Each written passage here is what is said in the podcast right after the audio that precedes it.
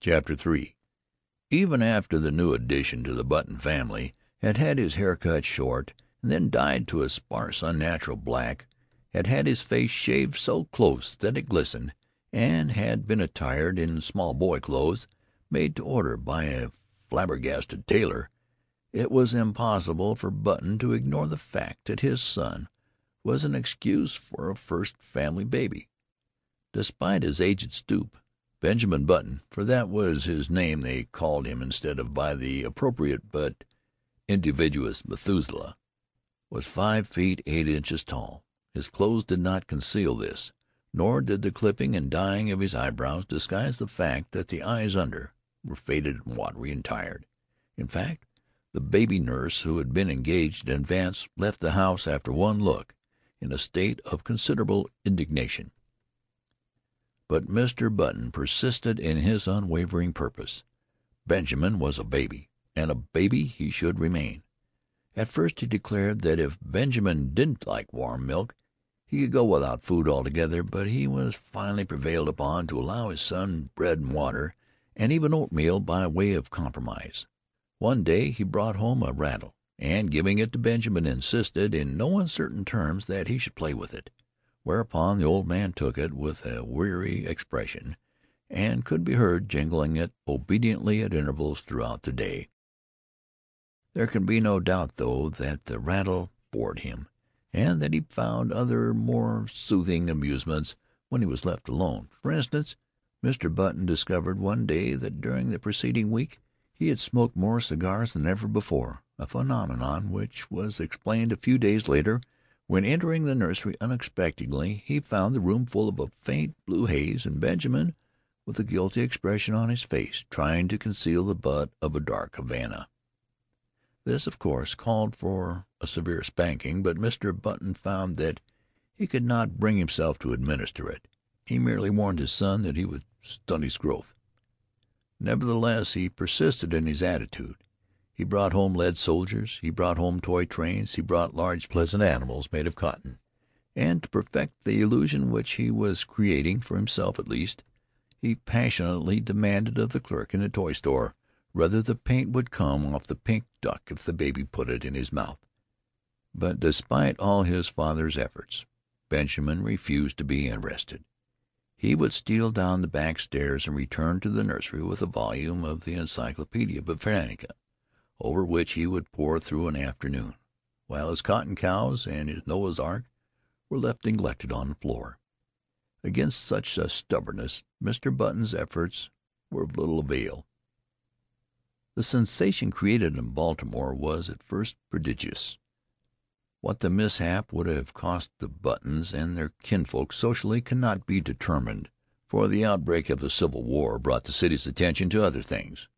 A few people who were unfailingly polite racked their brains for compliments to give to the parents, and finally hit upon the ingenious device of declaring that the baby resembled his grandfather a fact which, due to the standard state of decay common to all men of seventy, could not be denied. Mr. and Mrs. Roger Button were not pleased, but Benjamin's grandfather was furiously insulted. Benjamin, once he left the hospital, took life as he found it. Several small boys were brought to see him, and he spent a stiff-jointed afternoon trying to work up an interest in tops and marbles. He even managed, quite accidentally, to break a kitchen window with the stone from a slingshot, a feat which secretly delighted his father.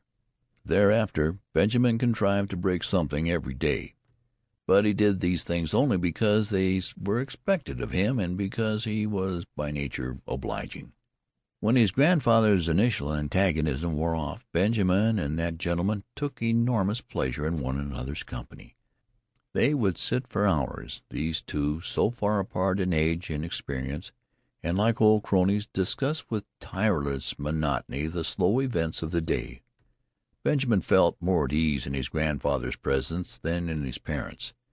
They seemed always somewhat in awe of him, and, despite the dictatorial authority they exercised over him, frequently addressed him as Mister. He was as puzzled as any one else at the apparently advanced age of his mind and body at birth.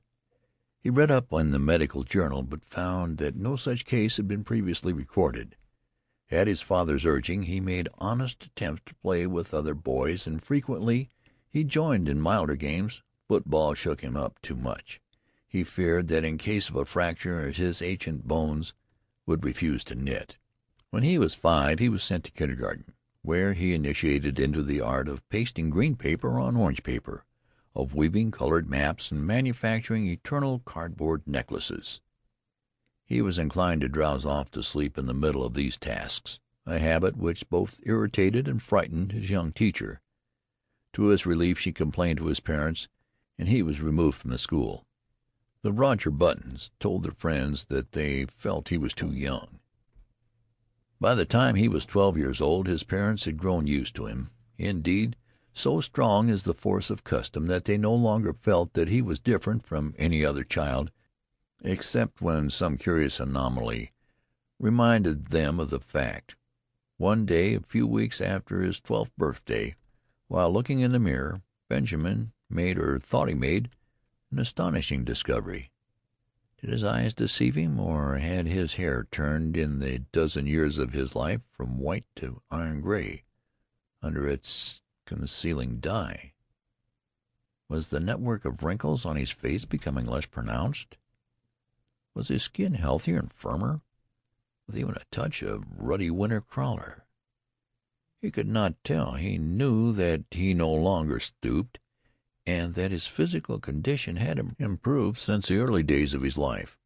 Can it be? he thought to himself, or rather scarcely dared to think. He went to his father. "I'm grown," he announced determinedly. "I want to put on long trousers." His father hesitated. "Well," he said finally, "I don't know. Fourteen is the age for putting on long trousers, and you are only twelve." "But you have to admit," protested Benjamin, "I'm big for my age." The father looked at him with illusory speculation. "I'm not so sure of that," he said. "I was as big as you when I was twelve." This was not true. It was all part of Roger Button's silent agreement with himself to believe in his son's normality. Finally a compromise was reached. Benjamin was to continue to dye his hair. He was to make a better attempt to play with boys of his own age. He was not to wear spectacles or carry a cane in the street. In return for these concessions he was allowed his first suit of long trousers.